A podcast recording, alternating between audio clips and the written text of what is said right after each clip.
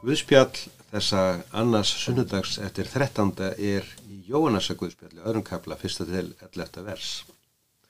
Á þriðja degi var brúðköpi Kana í Galilegu. Móður Jésu var þar, Jésu var og bóði til brúðköpsins og læri svönum hans en er vínþröð, segir móður Jésu við hann, þeir hafi ekki vín. Jésu svarar, hvað viltu mér kona, minn tími er ekki enn komin. Móður hann saði þá við þjónuna, allt það sem hann segir ykkur, það skulu þið gera. Nú voru þar sex vatskjör úr steini sangkvæmt reglum gýðingum hrinsun og tók hvert er að tvo mæla eða þrjá. Jésu segir við á fyllið kjerin vatni, þeir fylltu þau á barma og síðan segir hann auðsið nú af og færið veslustjóra. Þeir gerðu svo. Veslustjóri bráðaði vatnins sem var orðið vín og vissi ekki hvaðan það var en þjónarnir sem vatnið hafði auðsið vissu það og þá kallaði veslustjóri á brúðgömmun og sagði allir menn bera fyrst fram góða vínið og síðan hefði lakara er menn gerast ölvaðir. Þú hefur gengt góða vínið þar til nú. Þetta, fyrsta, þetta fyrsta táksitt gerði Jésús í Kana í Galilegu og ofinberaði dýð sína og lærisennar hans trúðu á hann. Amen.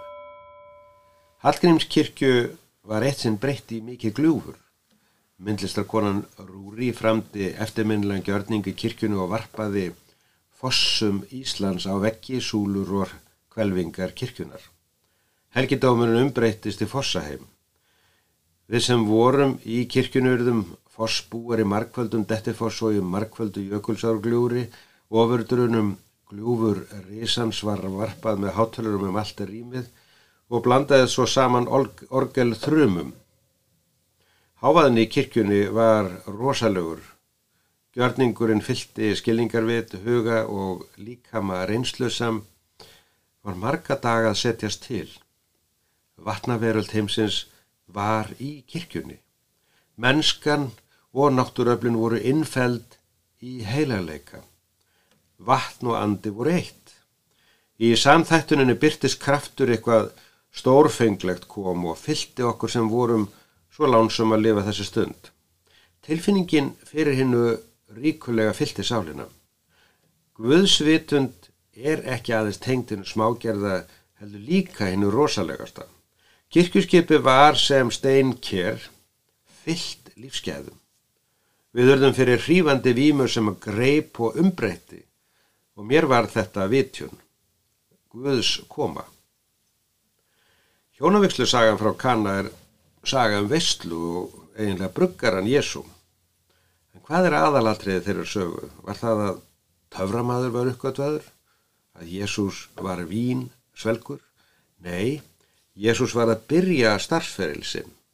Í Kana var hann í enga erundum í fjölskylduveslu með mömmu og vinnum og svo var þið hinn pínlega sena að veslukostunum var búinn. Allir sómakærir veslu skipuleikjendur hræðast slikt og reyna að fyrirbyggja að svo verði. Marja Jésumóðurinn kom hlaupandi og sagði sínum sínum að nú væri illt í efni. Víni væri búið. Og Jésús brást við og spurði hvað kemur það mér eða þér við? En Marja var áhrifavaldur. Hún bjóð svo um hnúta að Jésú er hlýtt ef hann legði eitthvað til sem varð. Góður bruggarinn ákvæminu mælingum og þjónarnir fylltu mikil steinkjör.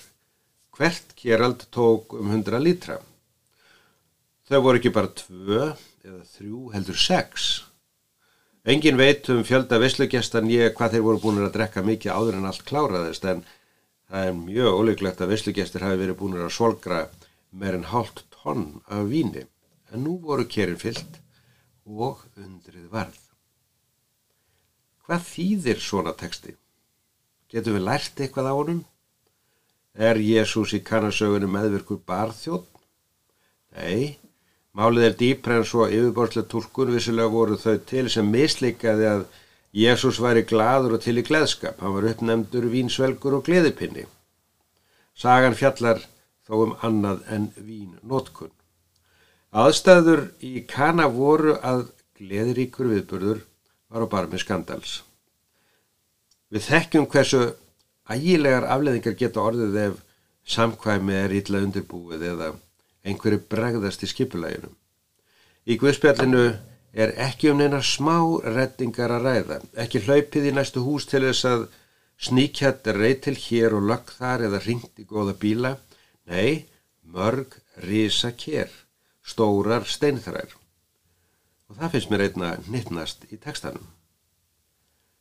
Áherslan er að þegar að allt er í ruggli. Er lausn Jésu ekki hæfileg, heldur stórkostleg og handan við allt sem brúðkaupi litlu torpi þarnaðist. Og hvað merkir það?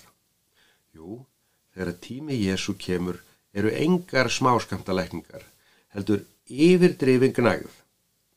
Jóhannessi Guðspjallamanni var í mun að minna fólk á að Jésús er Guð hins mikla, ofurveruleikin í smáheimi manna. Í Guðspjallinu tjáð vissanum að Jésús ætti erindi við alla, ekki bara geðinga, heldur líka greiki, já allt mannkinn. Og því minnir rittari Guðspjálsins á að Jésús getur breytt vatni í vín rétt eins og bakkus í grískri goðafræði. En Jésús er meiri en vínguðin. Enkenni veraldar Jésú er að hann býr til mikið magn og líka það besta. Hjá honum fara magn og gæði saman. Jésús er ekki aðeins mikill heldur undur lífs, skapandi höfundur sem opnar framtíð og þá skils merkingin og skilabóðin. Vínþörð er táknum smæð og vanda en víngjöfin í textanu vísa til andaguðus, sköpunaguðus, lausnarguðus, já komu guðus sjálfs. Kemur þetta þér við á þessi vínveisla erindi við þig? Já, vegna þess að Ólánsveislan í Kana er tákn sena um líf okkar, hvað við erum og upplifum sem einstaklingar, en líka sem hópar og kirkja, þjóðir og menningarfylkingar. Við lendum öll í kanakrísunni. Hefur einhver tíma orðið óhafið að skandall í þínu lífi? Verð ekki slis og áföll í samfélagur sem enginn hafði búist við það síðan fyrir. Í pólitík, efnarslífi, samskiptum þjóð og meðfell náttúrunar Koma tímar þegar að vínið er búið og veslan klúðrast. En ekkert áfall er svo stort að ekki getur orðið bót í miðri ógninni. Engin sorg er svo djúpað Guð megni ekki að lýsa í afgrunn myrkursins. Engin náttúru vá er svo megnað Guð sé ekki nálagu með bæði hjálp og hönd og huggun. Engin sið, ógn eða trúargríma kirkunar er svo slæm að vín þurð verði í Guðsriki. Engin átök menningar heima er án vonar um að kraftaverki verði og engin kreppa í samskiptum trúarbragða er svo slæm að einn mikli vingerðarmæður eigi ekki nóga andagift til þess að halda samkvæmunu á floti. Þetta er það sem að Jóhannes vill segja með því að skvetta yfir okkur úr kérónum. Sá foss er meir en fossaföll Íslands saminuð. Tekstinn er um skömm og áfalla svo hins vegar um nánd og gjörning Guðs. Í krafti hvers lifum við.